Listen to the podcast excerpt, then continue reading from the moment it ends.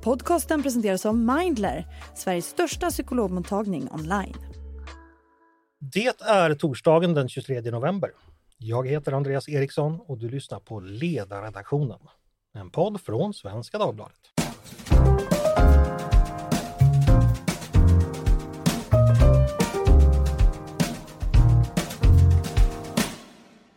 Varmt välkomna till oss igen. Idag, torsdag, inleds Sverigedemokraternas landsdagar i Västerås. Det är ju verkligen partikongresstider just nu. Förra helgen var det ju Miljöpartiet och Liberalerna som samlades till möte. Och nu har alltså turen kommit till Sverigedemokraterna. Så vad är det då som kommer hända på de här landsdagarna? Vad ska man besluta om? Finns det några uppseglande stridsfrågor i partiet att hålla ögonen på? Och hur är generellt läget i riksdagens näst största parti så här ett drygt år efter Tidöavtalet? Det tänkte jag vi skulle borra lite djupare i idag. Då har jag med mig två gäster. Dick Eriksson, chefredaktör på Sverigedemokraternas tidning Samtiden och ansvarig utgivare för partiets nyhetssida Riks. Varmt välkommen hit! Tackar! Och sen Marcus Uvell, tidigare VD för Timbro, bland mycket, mycket annat. Numera partner på Nordic Public Affairs. Varmt välkommen du också! Tack! Hörrni, jag tänkte kolla vad ni har, har för landsdagars erfarenhet. Eh, Dick, du började arbeta med Samtiden 2016. Har du hunnit med några landsdagar sedan dess? Ja, det här blir min fjärde då. Ja, det är ju vartannat år. Mm, just det. Mm.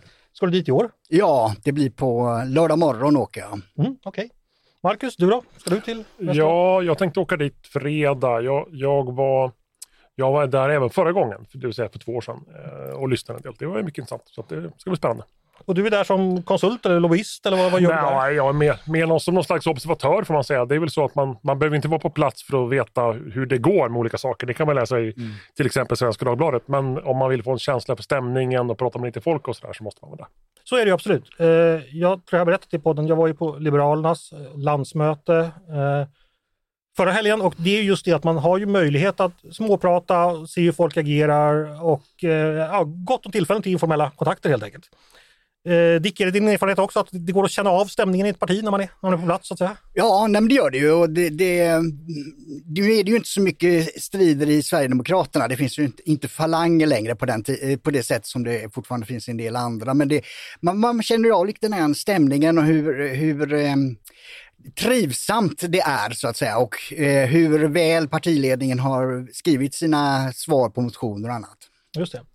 Eh, jag tänkte börja med det här, nu nämnde jag lobbyister. Eh, ni som inte vet det ska jag bara kort förklara att partiernas kongresser är ju numera små miniatyr-Almedalen så tillvida att olika intressen kan köpas plats och ha montrar och stå där och, prata med, med de partister som är där.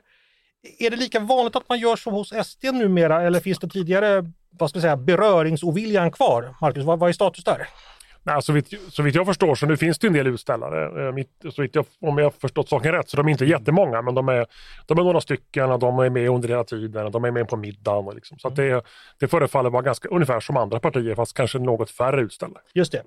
Eh, Dick, eh, vi ska gå in, in på själva landsdagarna i detalj. Eh, tittar man igenom handlingarna ser man ju att eh, det som finns där är ju vad som brukar vara med i sådana sammanhang. Man ska godkänna årsredovisningar.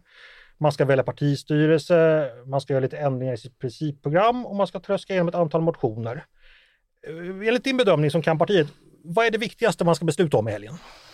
Ja, det som det pratas lite grann om inför det är ju just att det kommer ju ett Europaparlamentsval till våren och eh, partiledningen har lagt fram eh, ett papper om principbeslut om EU-politiken där man då vill fortsätta det man började med inför förra EU-valet, det vill säga att inte begära eller kräva utträde utan att eh, försöka påverka inifrån, att man vill fortsätta den eh, strategin en gång till. Och det, det finns det kanske en del som vill protestera mot. Mm, Okej. Okay.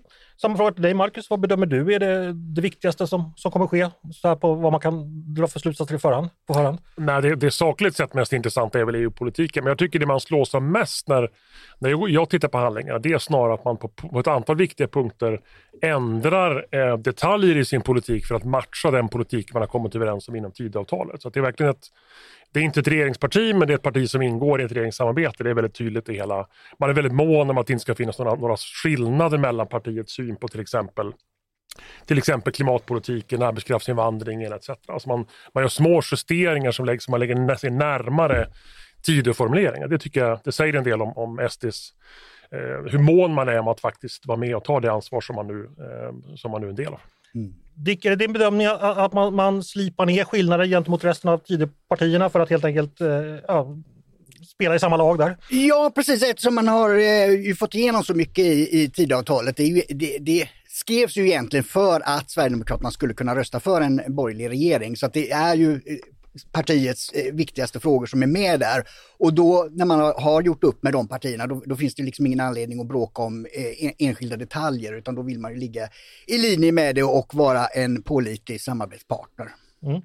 Är det någonting som kommer eh, möta motstånd tror du? Att man, man anpassar sig till, till Tidö? Ja, det, det, det, är en sak som jag kommer att ha koll på här nu. Att eh, partiet har fått igenom väldigt mycket. Man, man är väldigt nöjd på det sättet. Men samtidigt så vill man ju göra ännu mer man vill ju också se att saker och ting händer. Alltså det finns en otålighet, man, det är väldigt mycket utredningar. Vi hade det häromdagen, nu hade vi ju en ny presskonferens med, med ministrarna och, och, och eh, med Sverigedemokraterna där det var ytterligare en utredning som ska utreda det i, i form av direktiv. Och, och en del eh, är, tycker ju att det går för långsamt och att det är, eh, man vill eh, skynda på den här processen. Och, och det finns väl också rent allmänt, eh, liksom hur mycket kommer man att hinna med innan det är valrörelse 2026? Då måste man kunna visa på att det betyder någonting att man har bytt regering. Och det, där finns det väl inte i, i ledningen någon, någon oro ännu, men, men det, jag, det, det, känns som det finns det på, på, eh, in, inom partiet allmänt. Ska man förstå det, alltså att en del medlemmar eh, som är lite oroliga för att man helt enkelt inte kommer få igenom allting som har utlovats i Tidöavtalet, det kommer fastna i utredningar i regeringskansliet och man helt enkelt blir blåsta på lite på den politik man trodde man skulle få. Ja, det, det kan ju bli så, men om man inte, om man, inte minst om man lyssnar på Liberalerna förra veckan, liksom, så vill de ju inte driva, eh, de har ju gått med på att utreda saker och ting i kriminalpolitiken, men, men det låter ju då på en del eh, L-röster som att de tänker rösta ner det sen när det är färdiga förslag i riksdagen och det, det, då eh, blir det problem. Vad tror du Marcus, SDs partimedlemmar eller kongressombud som är, tycker att det här går långsamt och det riskerar fastna eh, utifrån deras perspektiv i, i utredningar. Har man anledning att ha en sån oro? Eller? Nej, jag tror inte att det finns så stor anledning till oro för det, men det är lätt att förstå att det finns en frustration. Det är klart att det är nästan alla de saker som man har utlovat att man ska göra måste utredas, så det tar väldigt lång tid. Mm.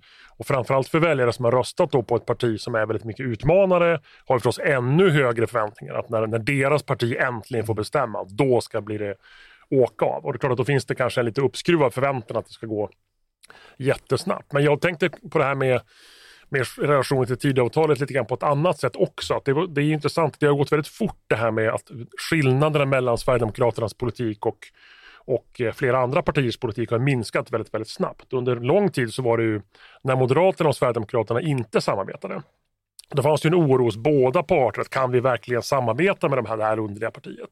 Nu är partiernas politik på många områden så nära varandra så jag tror att den är svår att skilja åt. Och det är inte, det är inte, det är inte bra för något av partierna. Både M och SD tjänar på att man vet vem som är vem. Så att säga. Och det är klart att för SD är det för oss jätteviktigt att ska man få locka röster även nästa val i samma utsträckning så måste man visa att man vill något annat i Moderaterna. Kanske lite mer, lite snabbare. Så där. Jag tror att det, det där är jätteviktigt. Mm. Passa på att påminna då att eh som sagt, förra veckan så hade vi en podd om Liberalernas landsmöte som alltså var förra helgen. Eh, Sakine Madon och eh, Andreas Johansson Heine var här. Och då pratade vi en hel del just om Liberalernas motstånd och vad det finns eh, för, för, för oenighet mellan just Sverigedemokraterna och Liberalerna. Och, eh, ja, det kan man lyssna på, för där tar vi upp en del sådana tvistefrågor som jag skulle säga efter att ha varit på Liberalernas landsmöte. Jag märkte ju att det var ju några sådana frågor som kom upp till beslut där också. Så att, det är väl någonting att hålla ögonen på framåt. Eh, en fråga, principprogrammet nämnde jag kort här. Det ska ändras en del saker. Det är ganska små smaker, men det, det rör NATO, det rör kärnkraft, en del andra formuleringar.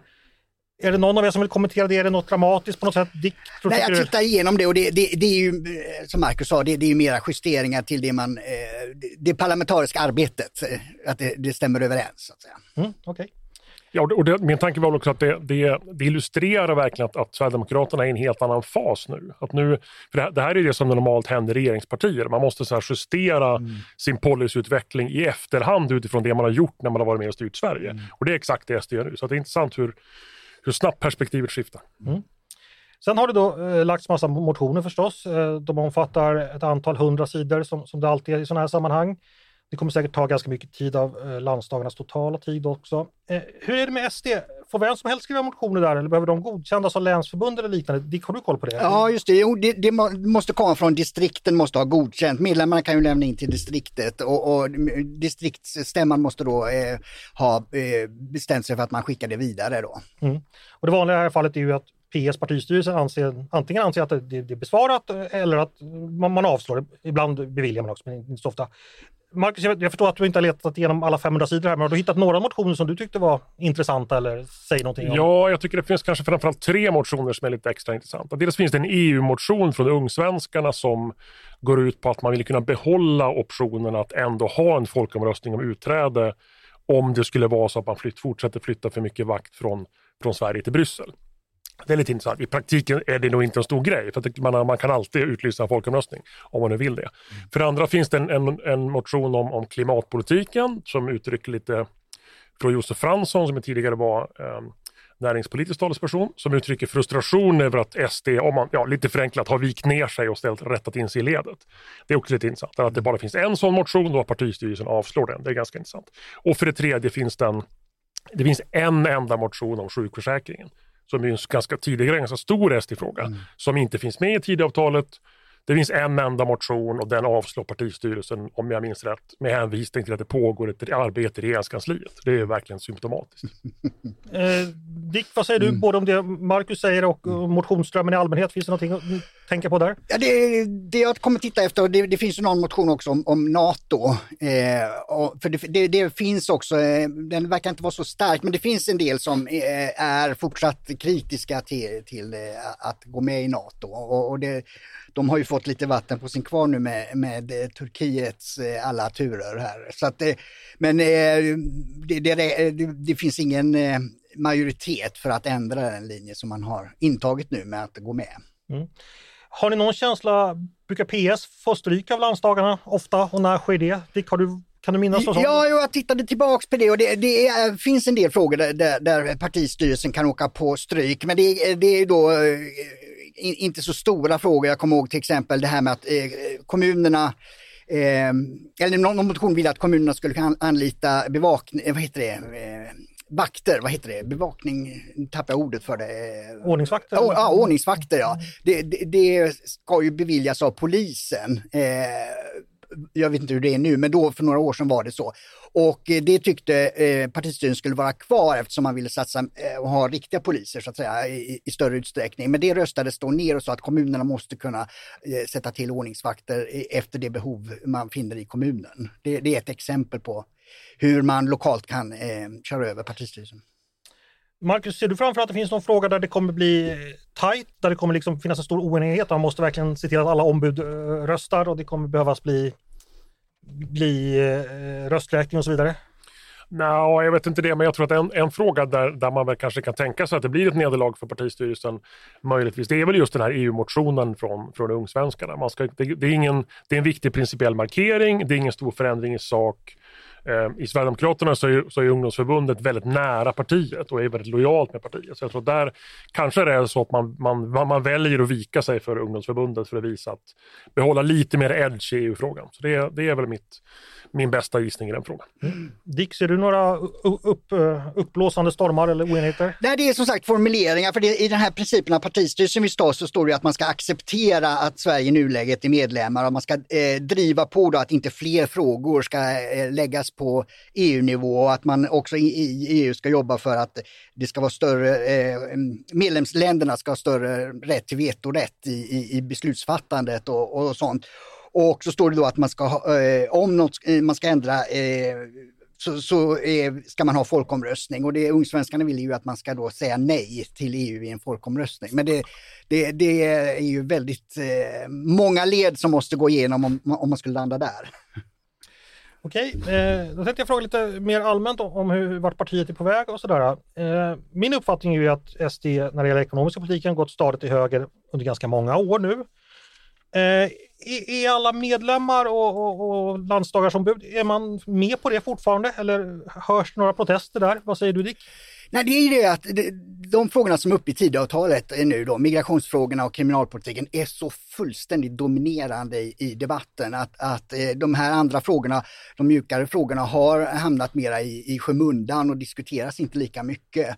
Eh, och sen kommer ju också eh, kulturkriget in i, i bilden här då där, där man vill ju driva tillbaks den här bokandan som kommer från USA och, och eh, li, liksom eh, vinna den eh, debatten. Mm. Men, men det här med att partiet ändå i, i, i, ekonomiska frågor nu är ganska långt till höger, tidigare var man ju mer ett mittenparti. Mm. Det är ändå en utveckling som de flesta är okej med eller till och med bejakar?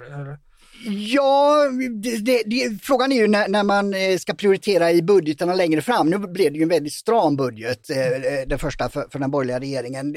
Och, och, man vill hålla tillbaka inflationen och då accepterar man ju att det, det sker inte så många eh, stora satsningar. Kommunerna får ju ett antal miljarder men, men i övrigt så sker inte så mycket. Där skulle det ju kunna komma om det blir ett bättre läge och det finns möjligheter att, att eh, skjuta till mer pengar till välfärden. Då kommer man att vilja göra det. Mm. Marcus, eh, SD som ett mittenparti där det har funnits ganska starka vad ska jag säga, folkhemsnostalgiska drag, man har sett tillbaka till 70 och 80-talet. Är det partiet borta nu? Är man ett högerparti eh, ekonomiskt? Vad skulle du säga? Ja, nu är det till och med så att Sverigedemokraterna kallar sig ett marknadsliberalt parti. Det tycker jag är lite intressant. Det gjorde man inte tidigare. Ja, men är alla med på det? Även medlemmar? Nej, men det är väl så här att, att mm. SDs tillväxt har skett i lite olika faser. En tidig fas så tog man ganska mycket om man ska förenkla, frustrerade LO-män från, från småstäder och landsbygd. På senare år så har man tagit mycket framförallt från de borgerliga partierna och i synnerhet från Moderaterna. Och det har förstås färgat hur, hur väljarbasen ser ut totalt sett. Ehm, så det, det, det, det, spelar, och det tror jag är ett viktigt skäl till att man har gått i den här riktningen. Sen är det ju så att jag tycker en spaning man kan göra är att om man, om man tittar på, dem på partiets ledande företrädare så, det, så tycker jag mycket talar för att de, de lite yngre och nyare företrädarna är generellt mer marknadsliberalt inriktade än den här så att säga, första en, en, en Jimmy-generationen helt enkelt. Och det speglar väl hur partiet har utvecklats och varifrån de har tagit sina väljare. Så jag tror att det är min, så min bedömning är också att det mest sannolika partiet fortsätter utvecklas i ungefär den riktning man har, har gjort hittills. Mm. Eh, ja, jag hade en kollega som uppmärksammade på en sak och det var att SD är det enda partiet som inte har gjort en offentlig valutvärdering. Eh, varför inte det och hur skulle en sådan se ut, tror ni? Hur ser partiet på valet? Nej, man gjorde inte det efter förra valet heller faktiskt. Mm. Eh, och det är ju det att det, det, har gått som man hade tänkt sig, så som man hade lagt upp planerna. Så det, det hade bara varit så att vi gjorde allting rätt? Ja, ja ungefär. Nej, men det är bara att jobba vidare på, på det man, man eh, har sagt sig, förutsatt sig att man ska göra. Så, så eh, upplever jag att då har man inte tyckt eh, sig behöva det. Jag har tittat igenom också dokumenten efter, det finns ju verksamhetsberättelser och sånt där. Mm. Eh, och det, det tas inte upp särskilt mycket om valet utan det, det, det gick bra. Mm. Och är det så enkelt? Man, man, man är helt enkelt nöjda med valet så man, det är inte så mycket att diskutera? Ja, jag tror ska man förenkla så görs väl valutvärderingar ofta för att, eh, för att hantera olika, olika typer av misstag och försöka lära sig av dem och vad man borde ha gjort, bättre för som en slags intern terapi för partiet. Och klart, är man, om man är ett parti som det alltid har gått bra för och gått bättre och bättre i varje val, då är behovet av det mindre. Dock, som jag förstått sakerna, så finns det en valutvärdering som Ungsvenskan har gjort. Ja, för, för, efter förra valet. Men inte, inte efter senaste? Nej, nej, den jag hittade var från... Okay. Nej, jag har inte heller hittat någon. det är verkligen fascinerande. Men, det, ja, nej, men jag tror att det, det, det är aldrig... Det är klart att behovet av detta är mindre mm. när det inte finns så mycket mer att säga än att det gick ännu bättre den här gången. Ja. För, för det är en fråga som man kan ta där samtidigt. Partiet har alltid gått framåt i alla val. Uh, Dick, hur, vilken beredskap finns det för att klara ett val där man inte går framåt, där man stagnerar eller rent av gå bakåt? För det måste ju ske någon gång. Ja, för det, det talar ju för det. Men, eh, eh, men jag tror att det är så att det, det är den här otåligheten, det, det, det, är den som är den springande punkten här. Eh, nu har man släppt fram en, en borgerlig regering, man har lovat att genomföra eh, förändringar, så nu är man en del, har ett visst ansvar också för vad som händer. Och eh, om inte detta blir genomfört och det då blir en reaktion från väljarna att man, man tycker inte att partiet har gjort det man sagt, då blir det ju en, en, ett allvarligt läge ur den synpunkten. Men ska man tänka sig då att medlemmarna tänker att de byter lite, får vi igenom allting då, då kanske kan det vara värt att vi står stilla. Men, eller liksom att, förstår du vad jag menar? Eh, eh, vad, vad, vad prioriterar man mest? Mer väljare eller få igenom mer, mer politik så att säga? Nej, alltså fokus är ju helt inriktat på att man vill påverka Sverige. Att mm. Sverige är illa ute på en, en väldigt felaktig kurs där väldigt mycket går väldigt snett. Och, och det gäller att och rädda upp detta och få ordning på detta. Så att, men, men det här har det partiet en gyllene position att det, opinionen har ju hela tiden kommit att ligga i fas med partiet. Att eh, de förändringar man vill med hårdare tag, repression, längre fängelsestraff, eh, minskad invandring och så. Allt det där ligger i linje med vad den allmänna opinionen vill. Så att därför eh, rider man ju på den vågen så att säga och, och eh, fångar upp den, eh, den opinionen i, i, i partiet tills dess vi får se här nu om saker och ting inte händer. Då mm. blir det ju ett annat läge. Marcus, du har ju varit med i ett parti själv också. Du vet att det ibland går bra, ibland går det dåligt. Alla partier kommer någon gång gå dåligt. Vad tänker du? Sverigedemokraterna har aldrig varit med om det faktiskt, att de har gått bakåt i ett val. Kan det, vilka reaktioner skulle det kunna innebära? Nej, jag tror att det, det är, en, det är en märklig situation man kan vara i som parti får man säga. Men, men man ska komma ihåg att det är så att in, innan vi kom in i den fas vi är just nu, där SD återigen växer, eh, och är större än Moderaterna igen, så hade vi en period där SD ändå tappade hyggligt mycket väljare kort efter valet. Ja, under Ja, också under pandemin så gick ja, det ju... så jag tror att det, det, är inte en, det är inte en unik upplevelse att det ibland går lite halvtaskigt i mätningarna. Men jag, mm. jag tror man jag har sett det så att jag tror att det, att det SD nu har gjort i med Tidöavtalet, att man har som, förr eller senare kommer en, en, en, en, punkt där ett parti måste försöka investera i sin trovärdighet och visa att man kan vara med och faktiskt genomföra politik. För de flesta partier så har det tagit mycket, mycket längre tid. Ta Miljöpartiet till exempel. Men det måste göras. Men eftersom allting går, går i fast forward för SD så gjorde man det redan nu. Och man, jag, jag tror man är medveten om att detta kan komma att kosta opinionen. Mm. Men det är en långsiktig investering som kommer att löna sig. Sen, går, sen har allting gått så fort. Men jag tror att det är det, det, är det som händer nu och det, det är jag övertygad att man förstår att, att det, det kan bli så att man i nästa val kanske till och med går sämre än i, i, i det senaste valet. Men det, men på, det är den långa sikten som räknas. En annan fråga om partiets inre liv som då inte går i fast forward, det är partiledarsidan. Där har det stått stilla sedan 2005.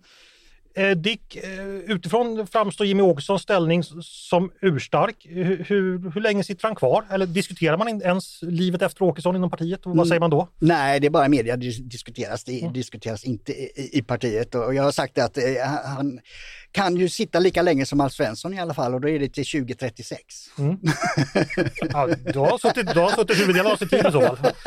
Eh, Marcus, någon spaning där? Alltså, eller fråga generellt, eh, generationsskiftet, är det några nya namn som vi eh, ska hålla ögonen på? Alltså, ja, det finns ju möjlighet att följa parti, eller, landsdagarna exempelvis på, på tv. Vilka ska man hålla koll på då? Nej, men jag tror så här att det, det är väl, det har, på sätt och vis har det, det har egentligen redan skett en slags generationsskifte på det sättet att det finns ju redan en, ett, ett ganska stort antal företrädare med tunga uppdrag i partiet och nu även tunga uppdrag i riksdagen som eh, som är generationen nyare och yngre än den här så att säga, gamla Åkesson-Karlsson-generationen. Jag menar som person som Henrik Winge, och Tobias Andersson, och Mattias Bäckström Johansson, Linda Lindberg, eh, Jessica Stegrud. Alltså många personer som är som är starka företrädare och nu blir i snabb takt mer rutinerade, som redan är tunga företrädare för partiet. Så på ett sätt har det redan hänt. Jag tror att det är mer det är mer så man ska tänka snarare än att eh, leta efter ett okänt stjärnskott. Utan mm. det, det finns en ny generation redan. Frågan är när en sån generation tar över. Men mitt intryck är också att det verkar fascinerande harmoniskt även i partiledarfrågan. Men det är väl lite grann en slags Carl Bildt i Bosnien situation. Att eh, Jimmie Åkesson verkar ju ganska frånvarande på något sätt från debatten. Mm. Men ändå är hans kulturella lyskraft och roll för partiet så stark. Kanske ungefär som, som just Alf Svensson. Så det spelar ingen större roll, utan mm. organisationen tuffar på och så länge han finns kvar där så funkar det bra i alla fall. Det tycker jag är väldigt intressant. Jo, han, gör ju, han väljer ju sina tillfällen. Mm, eh, eh, alltså det här talet till nationen som han höll i början på, på november här har ju fått en enorm spridning, också på arabiska. Eh, eh, och, och, och, så att han gör ju liksom eh, säga, punktinsatser där han markerar var är vi nu, vilken ton ska vi ha nu? Och, och det, det, folk reagerar på det där talet till nationen var just att för första gången hörde de en partiledare som, som sa som det är, så som de som tittade tycker att det är i Sverige idag. Inga undanflykter, inga eh, överslätanden, utan han sa rakt upp och ner hur illa det är och vad som måste ske. Och, liksom, det är ju en form av ledarskap, att, att liksom verkligen kunna sätta tonen för, för partiet genom ett enda tal på 15 minuter. Mm. Ja, exakt. Jag, jag, tänkte på det där att det, det, det här visar väl, dels så visar det faktum att partiet tuffar på så pass bra trots att partiledaren inte hela tiden in och pekar, petar i allting, visar på att organisationen har utvecklats jättemycket de senaste åren. Det fungerar väldigt bra. Eh, samtidigt så visar ju den här enorma kulturella betydelsen som vi Åkesson har, visar också att det är, jag tror att det för många sverigedemokrater är det, är det svårt att ens tänka tanken att man skulle ha en annan partiledare. Mm. Det är en enormt stor fråga för partiet. Mm. Det finns inget parti vars partiledare är så viktig som, som Sverigedemokraterna. Och om Jimmy Åkesson skulle bestämma att nu ledsnar jag, eller alltså det, det händer någonting i hans liv som han bestämmer att jag väljer en annan kurs, då låter det som det skulle uppstå en ganska stort bortfall eller kris rent av.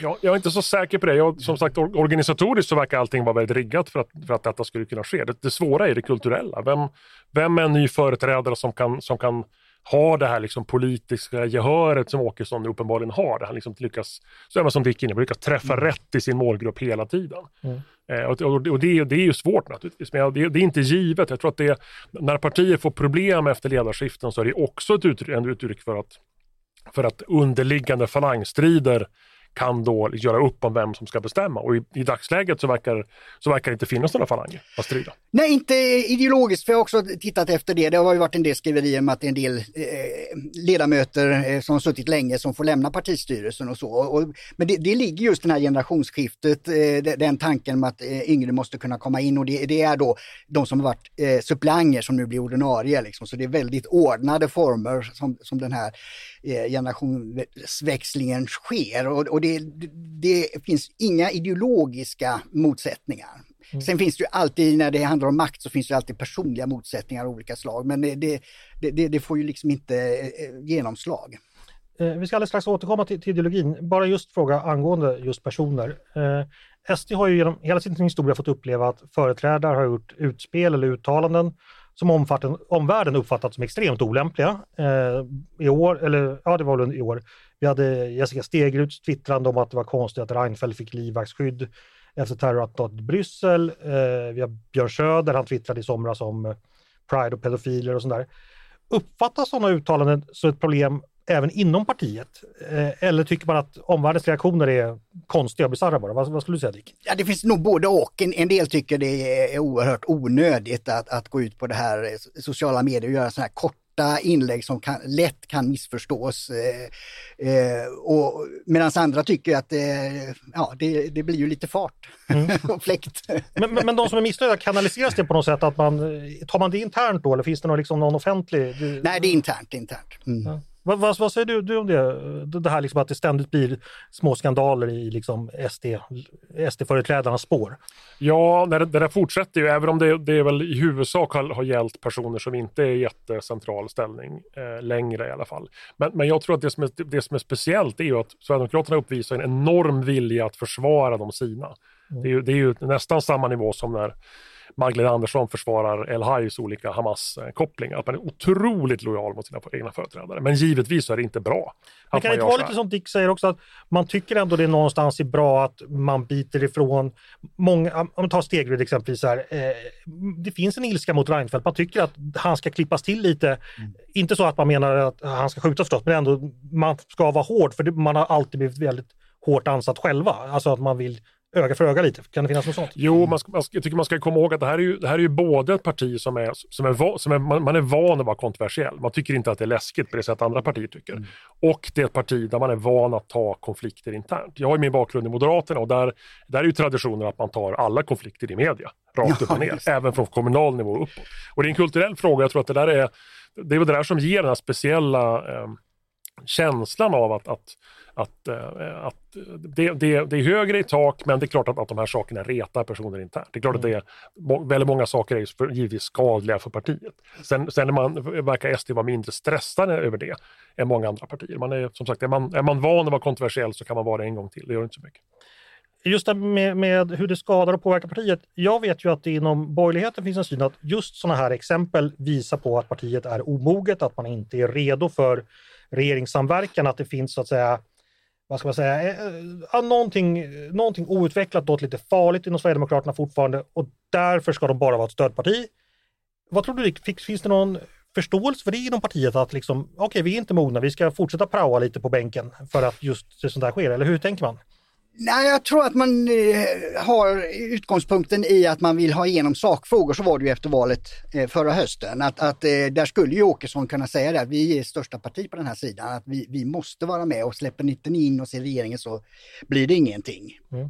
Om han hade ansett att positionerna är de, de viktigaste. Men det, partiet har den uppfattningen att det är sakfrågorna, hur Eh, verkligheten ser ut för väljarna, för de väljarna man representerar, det är viktigare än eh, positioner för eh, partiets företrädare.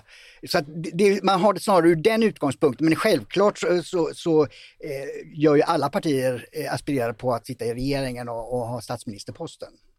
Ja, nu låter det nästan eh, att det förekommer ultimata krav, att SD säger att det här är sista gången vi, vi är stödparti, sen ska vi med i regeringen. Hur allvarligt ska man ta det?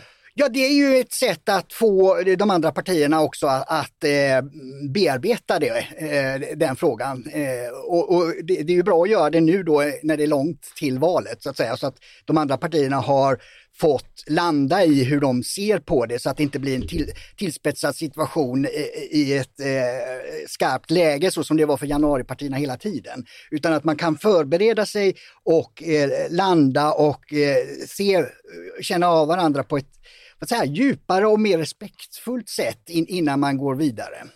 Hur skarpt tror du kravet på det regeringsmedverkan är? jag, jag tror att kravet den här gången är på riktigt. Förra gången fanns det en medial spekulation inför förra valet om att det här var ett ultimativt krav. Det var nog uppenbart länge att det var, det var aldrig aktuellt utan det fanns en förståelse hos Sverigedemokraterna att man, för, in, inte för att man är, skulle vara ett olämpligt parti, men för att man helt saknar vana vid politiska samarbeten. Då har man skaffat sig ganska mycket sån vana, så jag tror att den här gången är det, den här gången är det på riktigt.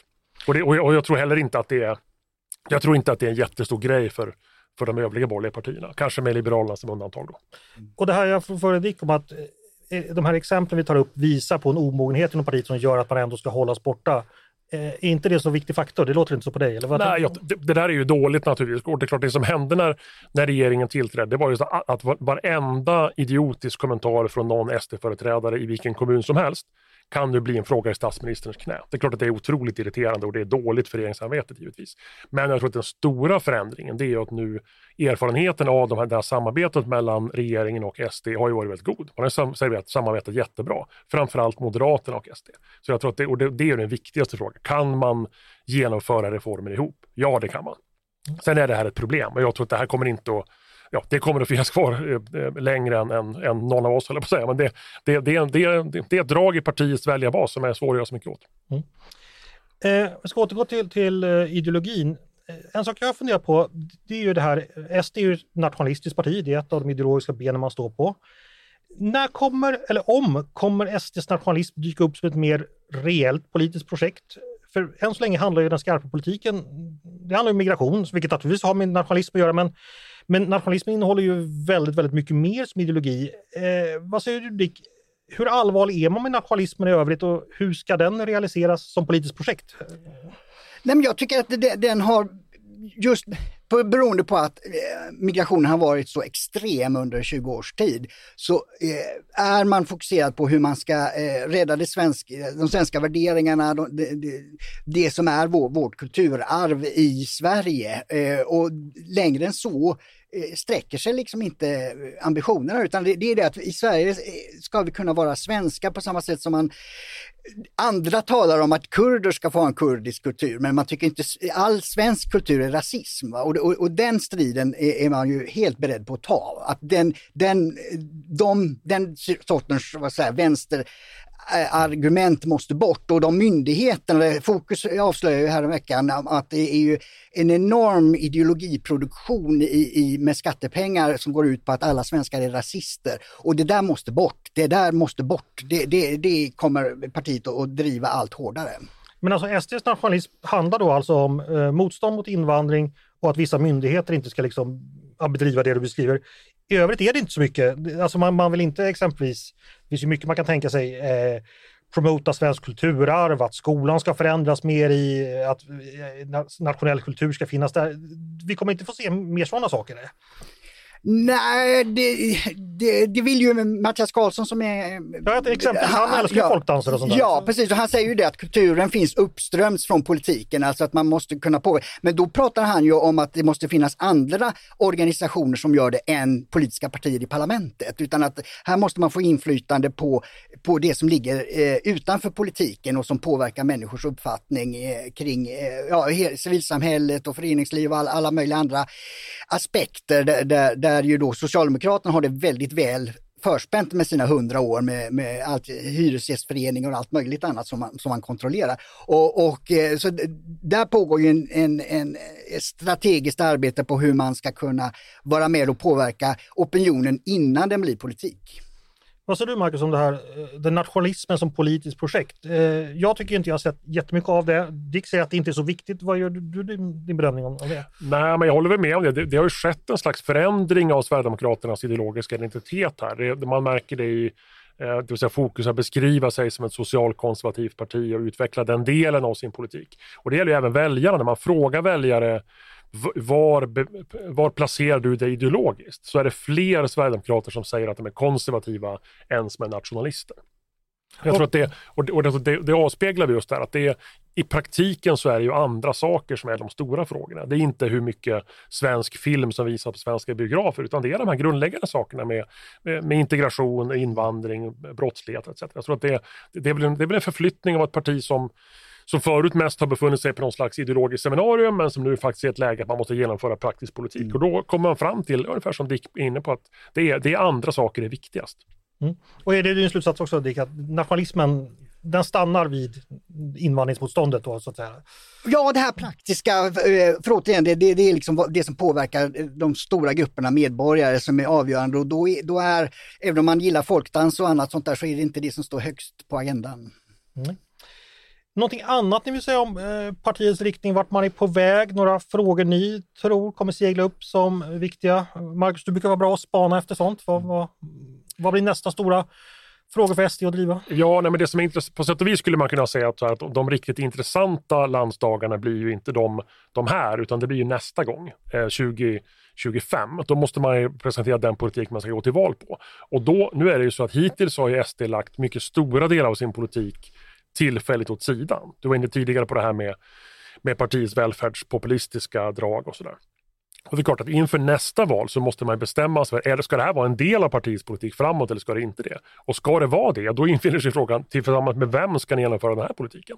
Så jag tror att det, och det, det är väl någon slags sanningens ögonblick för, för SD. För på, på de här landsdagarna, då tror jag att då, då är det framförallt, tror man ska hålla ögonen på, finns det några exempel på att landsdagarna är emot den här efterhandsanpassningen till Tidöavtalet. Finns det något gnissel där? Det tror jag kommer vara intressant att ögonen på. Men vi ska alltså inte helt och hållet dödsförklara välfärdspopulismen inom SD än, låter det som? Utan det... Nej, SD är, ett, är, ett väldigt, är ju faktiskt det mest heterogena partiet av alla i Sverige om man, om man försöker mäta, mäta detta. Och det, så att det finns ju väldigt olika uppfattningar. På senare år så har ju, har ju ett, ett mer ett, ett drag som har varit mer högre i ekonomiska termer och är mer högre sätt att se på välfärd och skatter och sådär dominerat. Men, men det andra är inte borta, absolut inte. Det finns, och SD har lovat sina väljare en, en välfärdspolitik till exempel som är, är något annat än Moderaterna kan köpa och det måste man ju förr eller senare bestämma. Hur ska man göra med det? Mm. Ja, men, så, så är det och, det och, man fick ju igenom i den här budgeten som lades nu att a-kassan sänktes inte tillbaka till tiden före pandemin och så vidare. Ett antal sådana